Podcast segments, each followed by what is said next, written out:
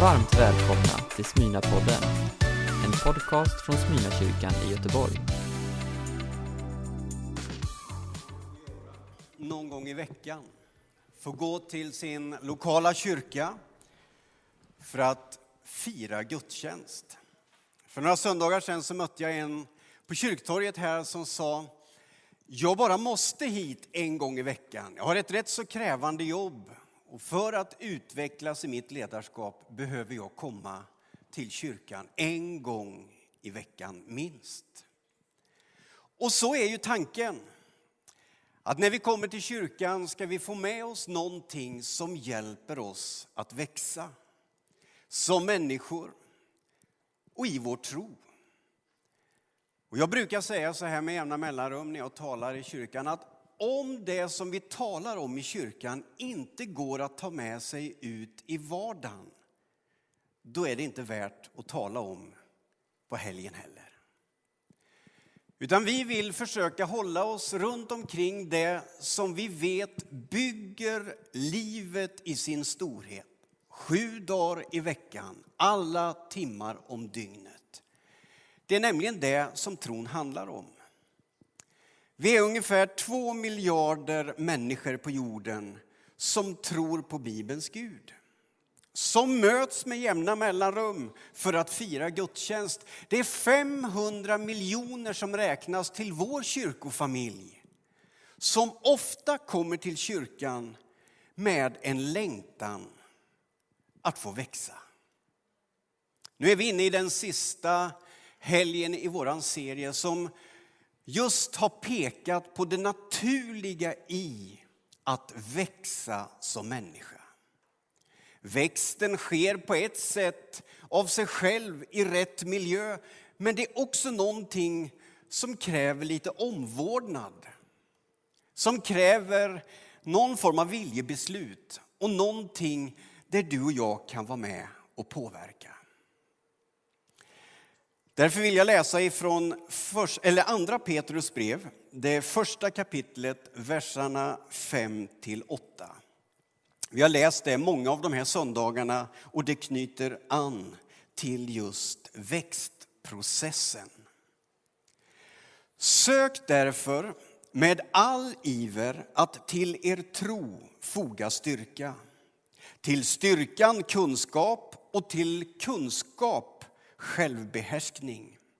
Till självbehärskningen uthållighet och till uthålligheten gudsfruktan. Till gudsfruktan broderlig omtanke och till omtanken kärlek. Ty om allt detta finns hos er och får växa till blir er kunskap om vår Herre Jesus Kristus inte overksam utan bär frukt. Och frukten är god. Det var mitt tillägg. Ska vi be en bön tillsammans?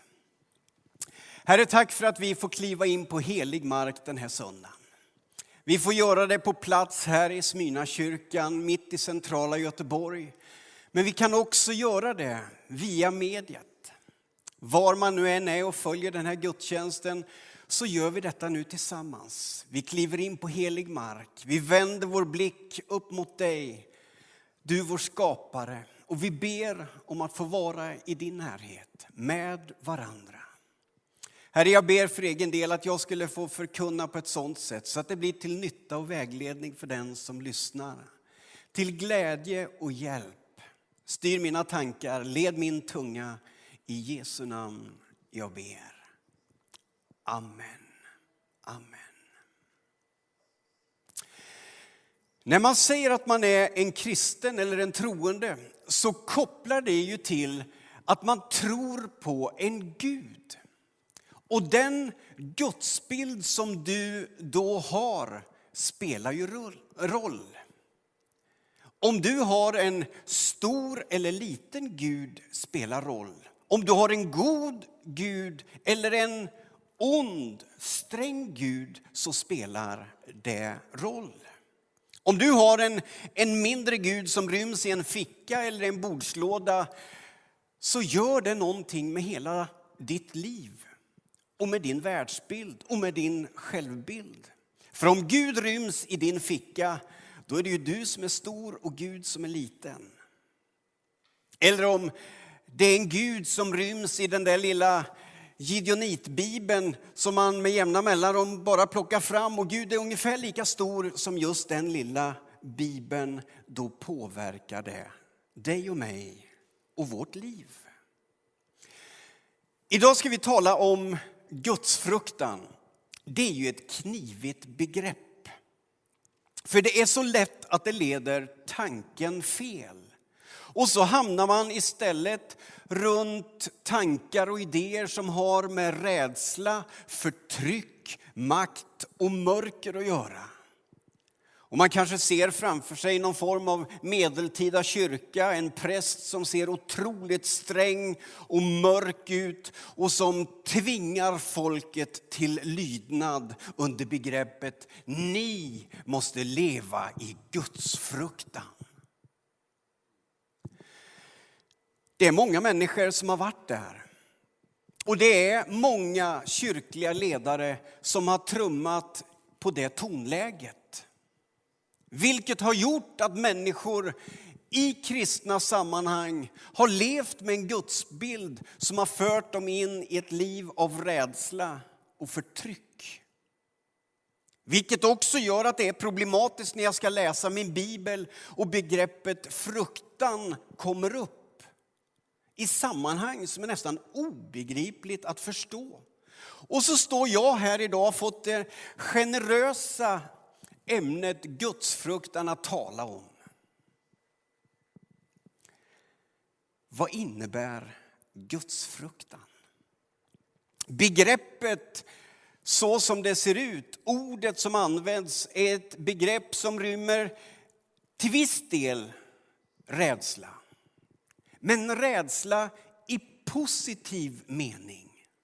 Rädslan av att förlora någonting som är gott. Rädslan att krocka med någonting som är kraftfullt. Men framför allt finns synonymer som respekt och vördnad nerlagt i begreppet gudsfruktan. Ni vet, respekt är någonting som man kan känna när man tittar på någon annan som handlar på ett sätt som är beundransvärt, som är fantastiskt. Älskar man fotboll så kan man se en av de där stjärnorna som tar ner bollen. Jag vet inte om du såg eh, fotboll igår, men det var några sådana här briljanta nedtagningar i flykten. Så man bara om man nu är fotbollsintresserad. Och så känner man att man vill nästan ställa sig upp och säga respekt. Beundransvärt. Det ryms i begreppet fruktan också. Att respektera någon. Att se, att slås av beundran, att få en lust av att tillbe. Att växa i gudsfruktan handlar alltså om att kliva in och lära känna Gud sån som han är. Gud har många sidor. Det är som en diamant med olika vinklingar och slipningar och man kan ägna ett helt liv åt att lära känna Gud. Och hela tiden så upptäcker man något nytt fantastiskt och jag känner att jag berikas ju mer jag får se av Guds storhet. Jag vill ta er till tre berättelser idag, kort bara, för att vinkla några bilder av den Gud som jag tror på och som vi samlas runt. Och som du och jag kan få lära känna och växa tillsammans med. Du ska få möta Jesaja du ska få möta lärjungarna och du ska få möta kung David. Jesaja, en av de stora profeterna i Gamla testamentet, beskriver sin kallelsestund tillsammans med Gud på ett kraftfullt sätt. Det är ingen liten fickgud som han plockar fram av trä och som han ställer sig för, inför eller böjer knä inför. Det är något helt annat som målas upp.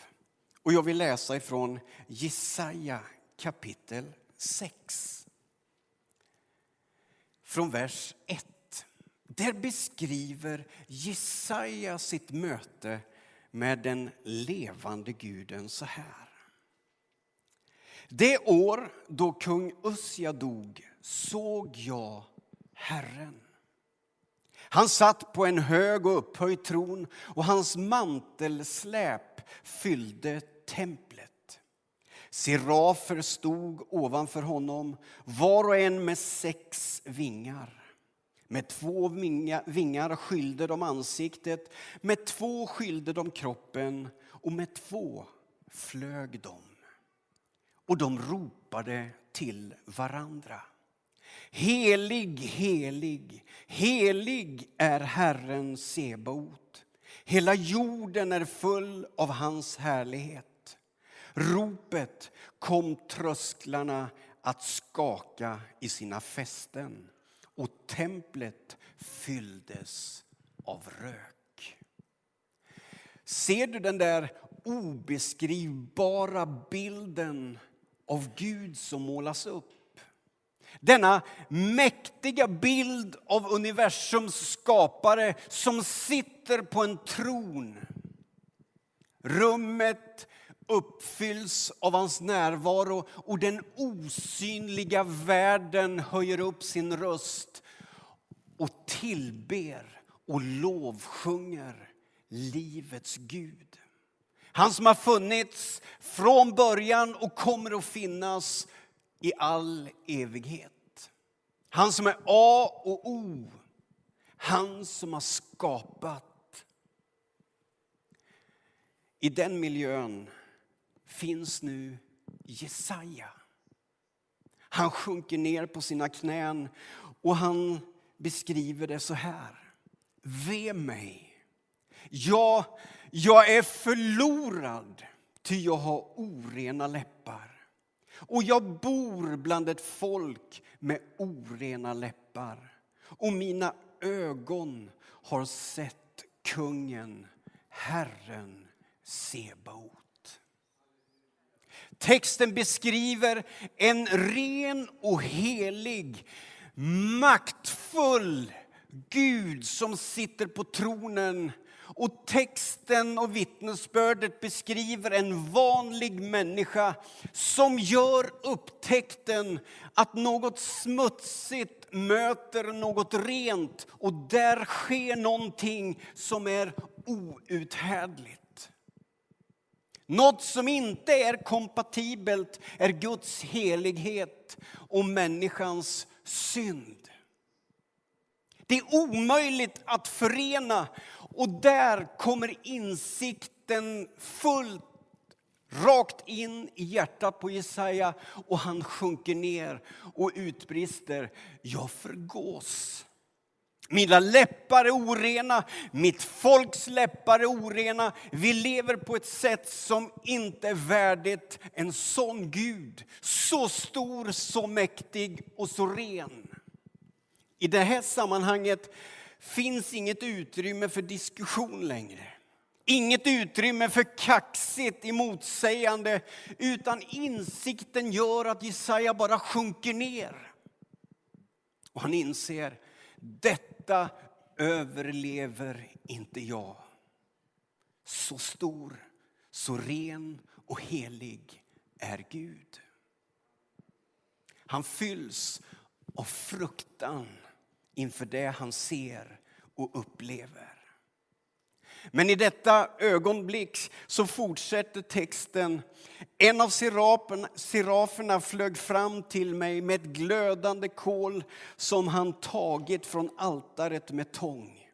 Med det rörde han min mun och så sa han, när detta vidrör dina läppar blir din skuld borttagen och din synd sonad. Och jag hörde Herrens röst och han sa, vem ska jag sända? Vem vill vara vår budbärare? Jag svarade, jag sänd mig. Han blickar rakt in i den evige Gudens ögon. Han inser hur liten han är. Men han får också uppleva i denna stund detta fantastiska som Gud är.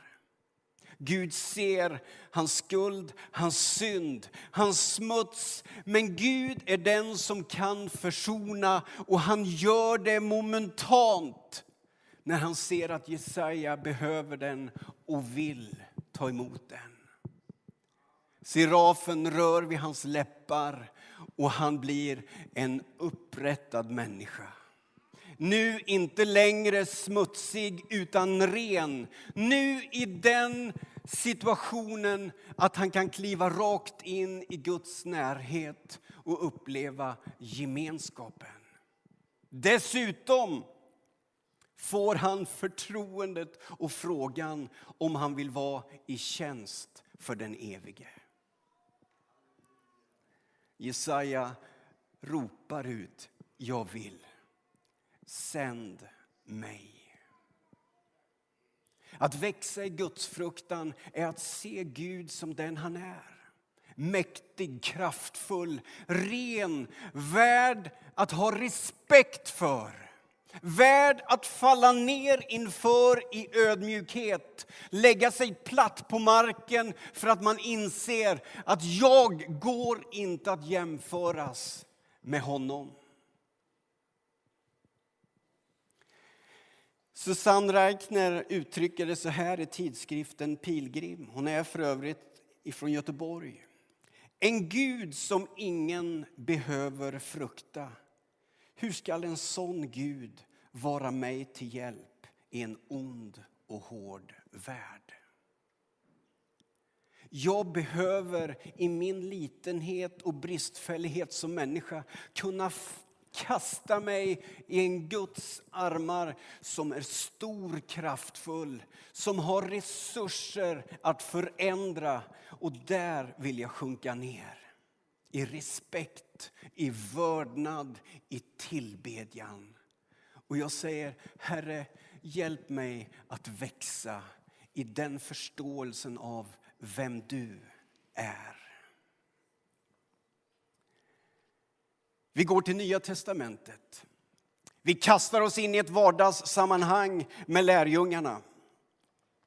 kan vara den tillvaro som du och jag lever i där ute i vardagen. Vi går till Markus kapitel 4, 35 41. På kvällen samma dag sa han till dem, alltså Jesus säger till lärjungarna, låt oss fara över till andra sidan. De lämnade folket och tog honom med sig i båten som han satt i, och andra båtar följde med. Då kom en häftig stormby och vågorna slog in i båten så att den var nära att fyllas. Själv låg han och sov i akten med huvudet på dynan. Då väckte de honom och sa, Mästare, bryr du dig inte om att vi går under? Han vaknade, hutade åt vinden och sa till sjön, Tig, håll tyst. Vinden la sig och det blev alldeles lugnt. Han sa till dem, varför är ni rädda? Har ni ingen tro? Då greps de av stor fruktan och sa till varandra, vem är han? Till och med vinden och sjön lyder honom. Jag har haft problem med den här texten i många år. För jag tyckte det var ett sånt konstigt ord. När Gud gör ett under så blir lärjungarna rädda. Varför blir de rädda, tänkte jag. De borde ju bli superglada.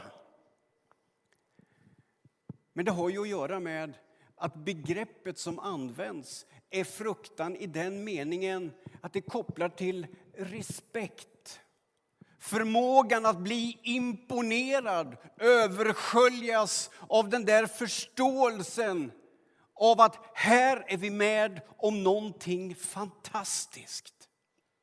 Jesus tittar på lärjungarna och så säger han, varför är ni rädda? Ja, men det är väl rätt rimligt om man håller på att dö, att man är rädd. Det är ju hyfsat korkad fråga i en mening. Men nu är det ju Jesus som ställer den och då kan man ju inte riktigt säga så. Det måste finnas något annat syfte, tänker jag. Och det gör det ju. Varför är ni rädda? Har ni ingen tro? Detta har ju att göra med gudsbilden och förståelsen av vem Gud är. Det har ju att göra med vad jag tror att Gud är kapabel att göra och förståelsen av det in i min vardag. Gud vill inte att du och jag ska springa runt och vara rädda. Vissa gånger kommer rädslan, för vi är människor. Men att leva i ständig fruktan, det är inte Guds tanke med ditt och mitt liv. Varför är ni rädda, säger Jesus. Vet ni inte vem jag är? Har ni så dålig tro på vad jag förmår? Det är där det börjar hända någonting. Vem är han? Ja, Jesus Kristus är Guds son.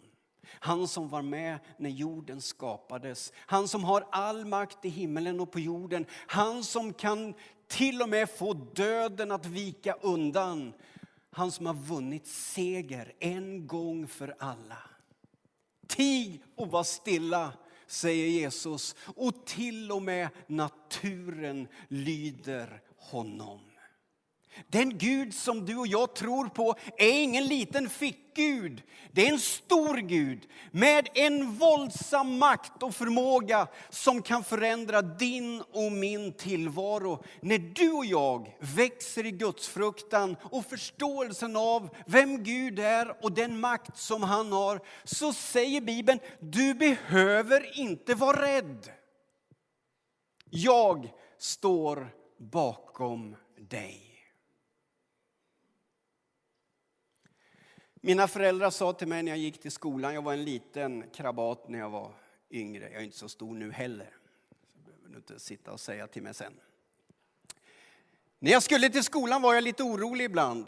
Och då sa mamma och pappa, du vet väl att du går inte själv? Om du vrider på huvudet så ska du se, där står Gud bakom dig och det är en jätte.